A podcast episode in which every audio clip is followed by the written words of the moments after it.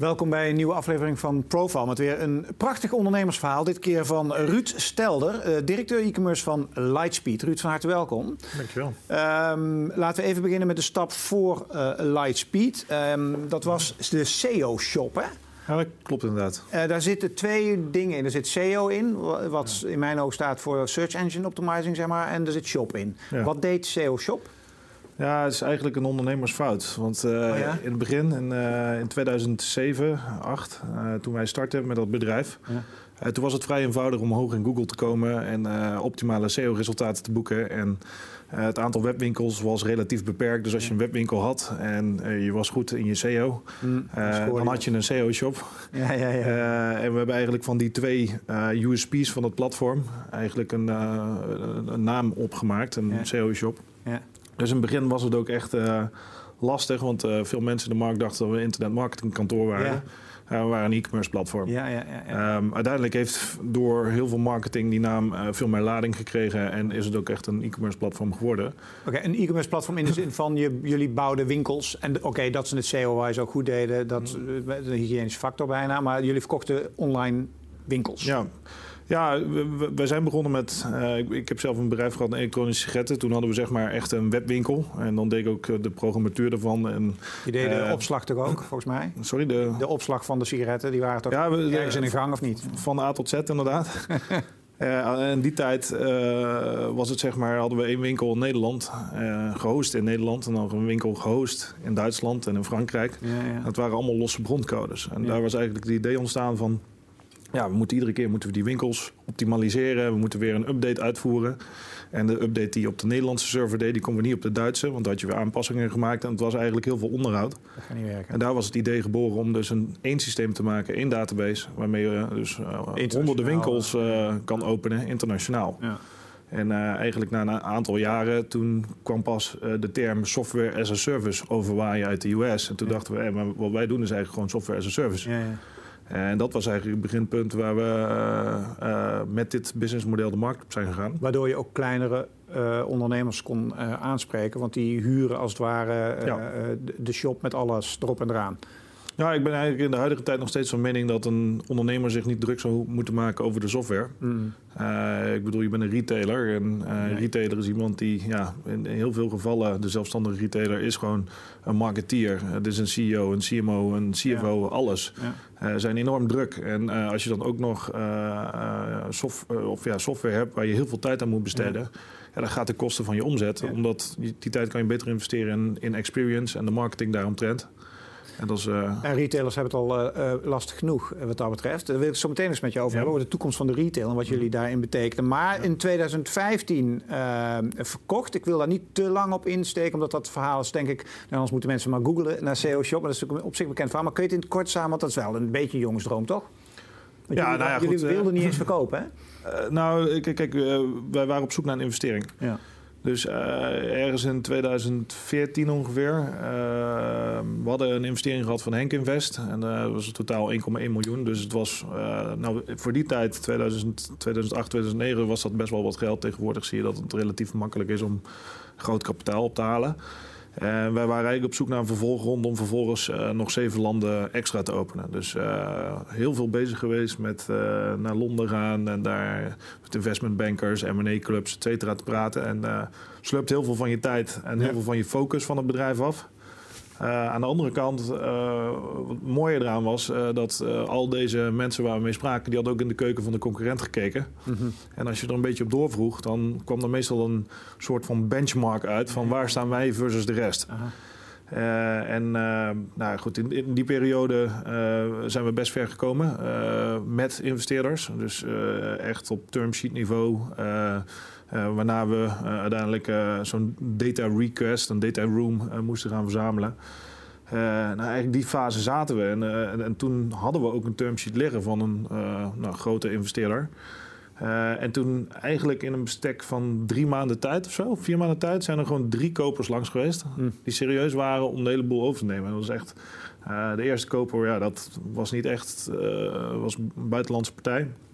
Toen een Nederlandse partij en toen Lightspeed eigenlijk. En um, er waren eigenlijk uh, binnen onze boord hadden we uh, twee grote initiatieven.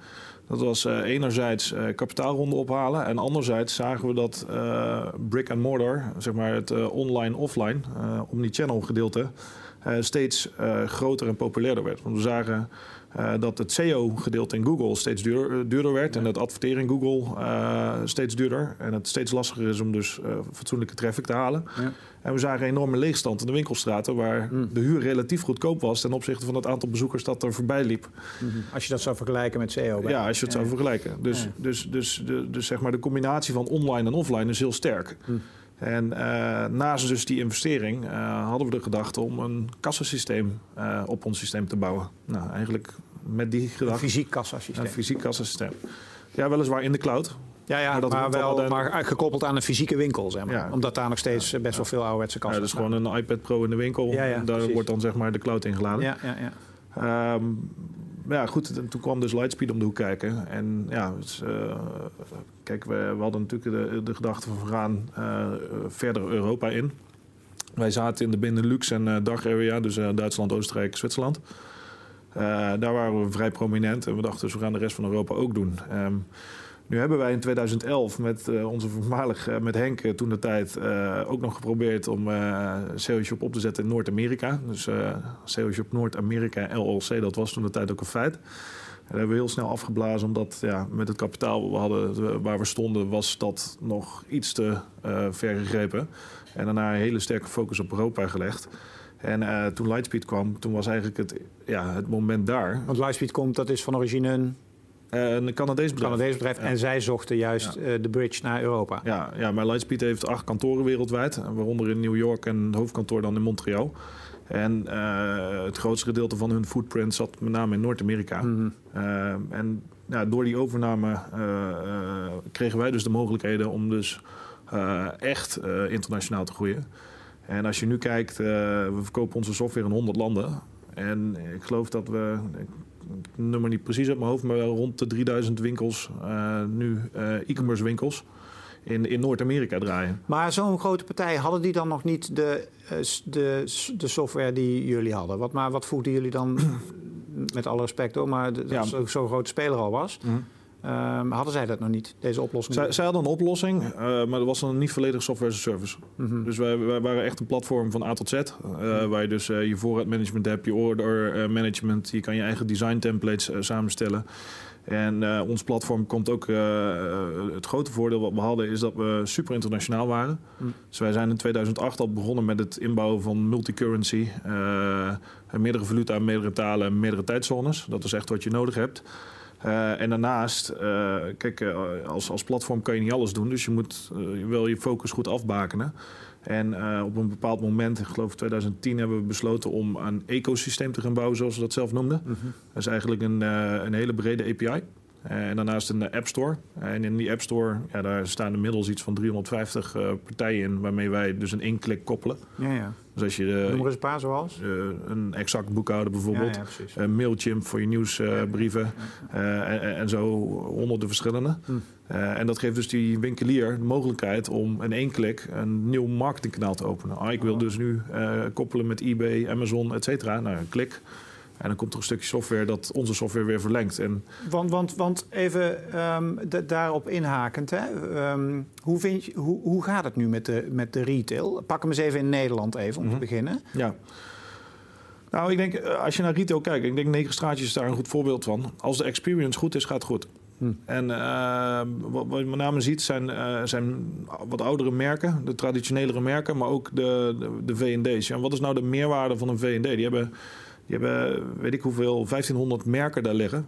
Uh, maar er is geen verkoopmedewerker die gevoel heeft bij een merk of die dat merk op een goede manier kan uh, representeren. Uh, was inmiddels, hè? Ja, ja, ja, goed, maar ja. een voorbeeld te noemen van een van de ketens die is omgevallen. Dus, dus daar is het de meerwaarde niet. En, en, en, en gaan mensen nou echt naar de binnenstad toe om een prullenbak te kopen van 60 liter en die dan vervolgens onder de arm mee door de binnenstad te sleuren? Nou, dat, mm. dat, dat zijn modellen die werkten vroeger, die werken niet meer. Uh, daarvoor is het logistiek systeem in e-commerce en dergelijke veel te uh, goed geworden. En is het vergelijken van prijzen veel te makkelijk. Ja. Uh, wat absoluut werkt zijn gewoon producten, fashion, wat duurdere premium artikelen. waar mensen echt een experience krijgen. En ik denk dat een voorbeeld van een van de partijen die dat goed omarmd heeft, is bijvoorbeeld Bijenkorf. Mhm. die zijn naar Shop en Shop gegaan. Ik bedoel, daar zijn nu de merken die hun eigen merk vertegenwoordigen mhm. in die grote verzamelbak die Bijenkorf heet. Ehm, dus daar zijn zeker mogelijkheden. En waar, wat we nu zien, is dat juist ook heel veel uh, online partijen offline gaan. Ja, wat, ja de beweging die Coolblue bijvoorbeeld ook aan ja. doen is natuurlijk. Maar wat, wat moet je nou... Er zit natuurlijk wel heel veel trieste gevallen. En ik bedoel niet trieste zo mhm. van zielen... Maar ik pak een middelgrote gemeente. Mhm. En ik heb heel trouw al twintig jaar mijn verfspeciaalzaak. Ja met mijn mooie sikkens potten en zo. En ik zie iedereen naar de bouwmarkt gaan of naar online gaan wat moet je dan? Want dan zit je niet in zo'n hippe negen straatje. En je hebt niet echt een, ja, ik weet niet of je dan experience. Wat is dan je, want dat soort retailers zijn natuurlijk heel veel, hè? Ja. 40ers, 50ers, die leden ogen zien van, ja, daar gaat mijn handel. Nou goed, kijk, eh, ja, aan de ene kant, uh, er zijn er heel veel die hebben een roeping gemist, zeg maar, maar niet online te gaan. Uh, maar aan de andere kant is het wel fair om te zeggen dat die bedrijven meestal de bedrijven zijn die het meest succesvol online kunnen worden. Waarom? Omdat ze hebben 20 jaar bestaansrecht. Ze hebben 20 jaar een winkel, ze hebben 20 jaar een merknaam. Eh, er zit een bepaald vertrouwen bij. Uh, ze hebben een inkoop al 20 jaar. Waarschijnlijk groot afnemer, hele goede relaties met, met de inkooporganisatie. Wat vaak ook in betere marges. Maar wat vaak het probleem is, is dat het zijn familiebedrijven waar mensen aan de top staan die, die de digitale uh, generatie, ja, hmm. of digitale era gewoon gemist hebben. Ja. Uh, en het advies wat ik ze zou willen geven is: ga online uh, en offline tegelijkertijd. Ga omni-channel. Zorg dat je. Maar kun je ook als een, een, Pak maar even dat ver speciaalzaak even als voorbeeld. Hè, dan in, in, in Blerik. Ja. Hè, noem maar eens wat, je kent het.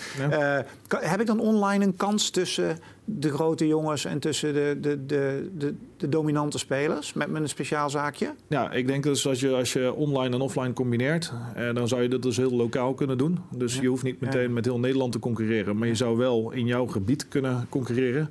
Eh, er zijn enorm veel mogelijkheden om lokaal te adverteren. En, en, dan heb ik het niet alleen over de billboards naast de snelweg, maar je kan op Facebook zeggen: mijn doelgroep zit in, in, in dit, uh, in, in, dit postcodegebied en zoveel ruimte eromheen. Hetzelfde kun je in Google AdWords doen. Dus je kan een hele sterke lokale brand opbouwen. En goed, ja, hoeveel huizen staan er eh, in de gemeente Venlo-Blerik? Nou, genoeg om verf te verkopen. Ja. Uh, dus je moet zorgen dat je bij die mensen aankomt, vertrouwen opbouwt en een lokaal merk bouwt. En zorgt uh, dat je bezig bent met de service naar die klanten toe. Uh, en dat je zorgt dat het assortiment wat je hebt breed is, ook online beschikbaar. Ja. en wat we steeds meer zien is dat klanten die gaan online oriënteren en vervolgens zeggen ze in, in, in winkel afhalen. Ja. En dan krijgen ze een stukje advies erbij. Ze kunnen dan ook retourneren als dat nodig zou zijn. En, en, vaak is het zelfs zo dat als je offline een filiaal hebt, dat, uh, want retour is een hele hoge kostenpost voor online. Uh, ook met het retourrecht en uh, et cetera. is dat als je dus offline een winkel hebt, dat heel veel mensen naar de winkel komen om, om, om het dan te ruilen. Dan betaal je dus niet als winkelier die verzendkosten. Dus het is absoluut een, een, een, hele goede business case. En daar zit enorm veel mogelijkheden in voor de retailer. Hoe, uh, zie je de, hoe, hoe, hoe doen we het qua retail in Nederland als je het vergelijkt met de andere landen waar jullie actief in zijn? Ja, retail online of offline of allebei? Allebei? ik denk dat we op zich, uh, we zijn een van de sterkste landen. Dat komt natuurlijk ook omdat het internet hier uh, relatief vroeg beschikbaar was voor iedereen.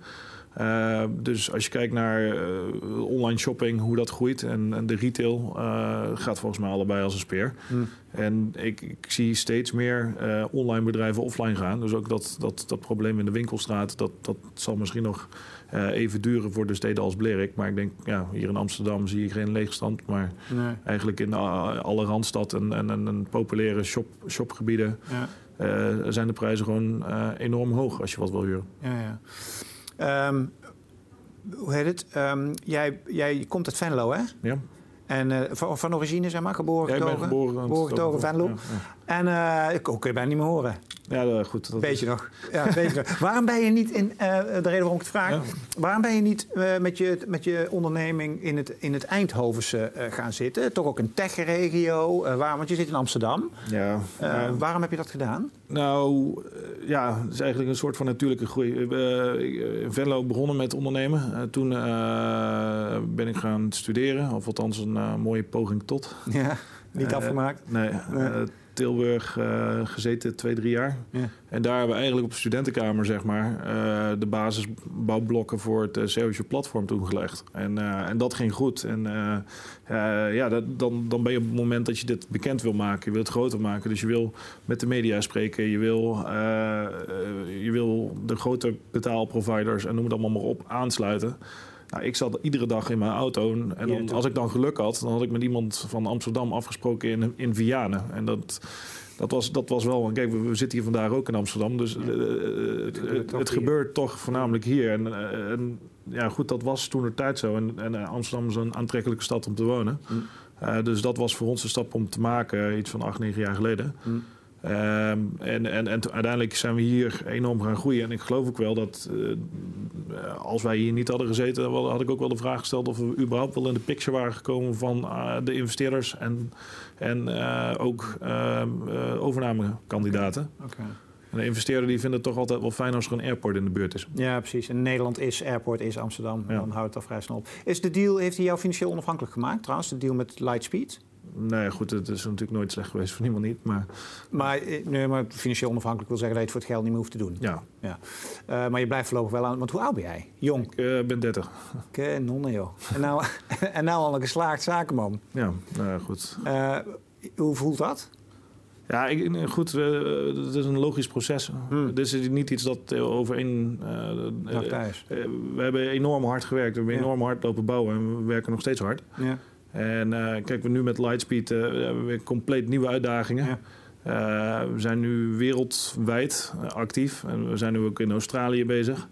Uh, de organisatie groeit enorm. En uh, ja, goed, het is een proces waarin je wordt meegenomen. Mm -hmm. En uh, ja, goed, dat... Hoe zien je weken er nu uit als, als de directeur e-commerce, om maar even plat Nederlands te we, we, hebben, we, zijn, we zijn nu bezig in een proces om, om een heel nieuw platform, wat we hebben gelanceerd. dat is eigenlijk de 2.0 van ons eerste platform een verbeterde versie. En, uh, en development vindt nog steeds hoofdzakelijk ja, hier plaats? Ja, dus we hebben in Amsterdam uh, iets van 50 mensen uh, in product en development. Mm.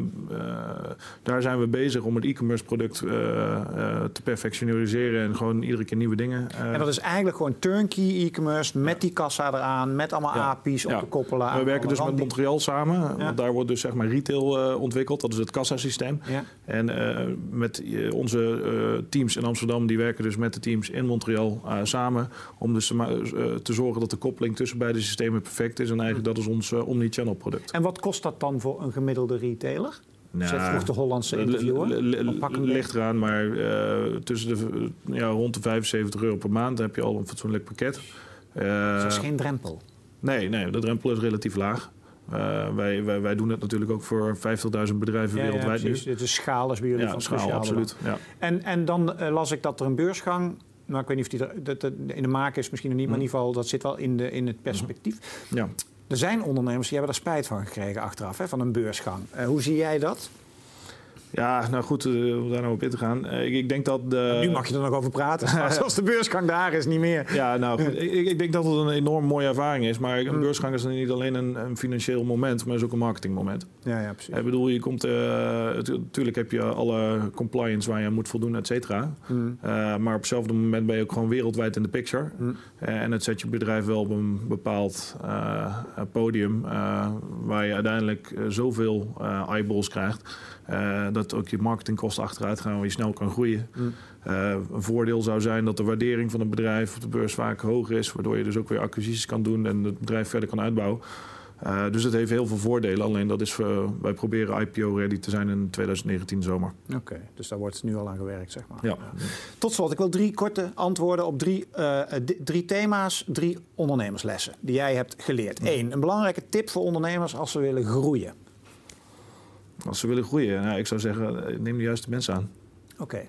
Uh, zeker in het begin, uh, als je een bedrijf bent van tien mensen, dan is ieder persoon binnen die, dat team van tien uh, is 10% van het vermogen van het bedrijf. Ja. vaak, als je een klein team bent, duurt het best lang voordat je goede mensen gevonden hebt. Dus ben je twee, drie maanden verder voordat je iemand hebt. en als je die dan na twee maanden proeftijd toch naar huis moet sturen, dan is dat een negatief ding voor de cultuur, maar ook uh, zes maanden van je tijd weggegooid. Ja, dus, dus als je snel wil groeien, goede mensen aan hem. Uh, de ondernemersles als het gaat om omgaan met investeerders. omgaan met investeerders. Daar heb jij natuurlijk ook enorm veel ervaring in. Wat is een belangrijke tip die je mee kan geven? Omgaan met investeerders. Of, ja, nou, ik, ik, denk dat het gewoon belangrijk is dat je transparant bent uh, en dat uh, je je targets in ieder geval realistisch stelt. Uh, als je daar te ver vanaf gaat wijken, dan heb je gewoon een misvatting van, van waar je staat en waar je naartoe wil. Mm -hmm. je moet zorgen dat het enigszins aligned blijft. En ook gewoon eh, ambitieus is, want een investeerder stapt natuurlijk niet in om... Ambitieus, uh, doch realistisch. Ja. ja. En je belangrijkste tip, of een belangrijke tip als het gaat om uh, als ondernemer die nu zit te kijken en die alleen nog maar in Nederland opereert, maar groeiambities heeft naar het buitenland. Wat is een mhm. belangrijke tip om naar het buitenland toe te gaan? Ja, goed, wij zijn, wij zijn vrij snel Duitsland ingegaan. Dat is niet een eenvoudige markt. Ik merk dat bijvoorbeeld Oostenrijk en Zwitserland uh, er zit enorm veel geld en uh, er is heel, weinig competitie. Dus als je dan, voordat je Duitsland ingaat... Eerst een kleine Eerst even Oostenrijk uh, testen, want de Google AdWords kost daar een derde. Ja, ja. en de mensen zijn, net als Nederlanders, gewend om met buitenlandse bedrijven zaken te doen. Hm. En een Duitser kiest liever voor Duits.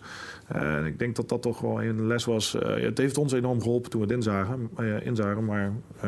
ja, dat is absoluut een ding dat ik zou willen delen. Ik eh, wens je eh, heel veel succes, los van het succes wat je al gehad hebt. Heel veel succes eh, in de toekomst. en ik, ik ga je in de gaten houden. Stel. Dankjewel. Goed, dankjewel voor... En uh, dankjewel voor het kijken naar weer een interview hier op 7ditch.tv. Wil je er meer zien, dan kun je de, de app downloaden of abonneer je op onze nieuwsbrief. Dankjewel voor het kijken. Hoi.